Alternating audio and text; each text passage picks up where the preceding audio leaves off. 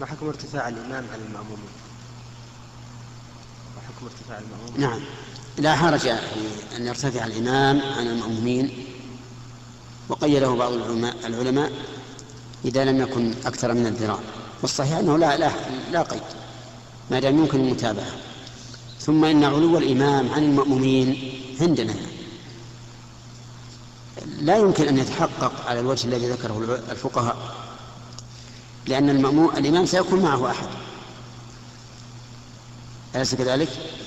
الإمام سيكون معه أحد في مكانه. والفقهاء الذين كرهوا أن يكون الإمام عاليا يريدون إذا انفرد في مكانه وحده هو والناس تحته. وهذا شيء لا لا لا, لا يوجد في وقتنا الحاضر. يعني ما لا تجد إماما عاليا إلا ومعه جماعة. وحينئذ لا كراهة. والعكس. والعكس لا بأس به. علو المأموم لا بأس به. علو الإمام لا بأس به.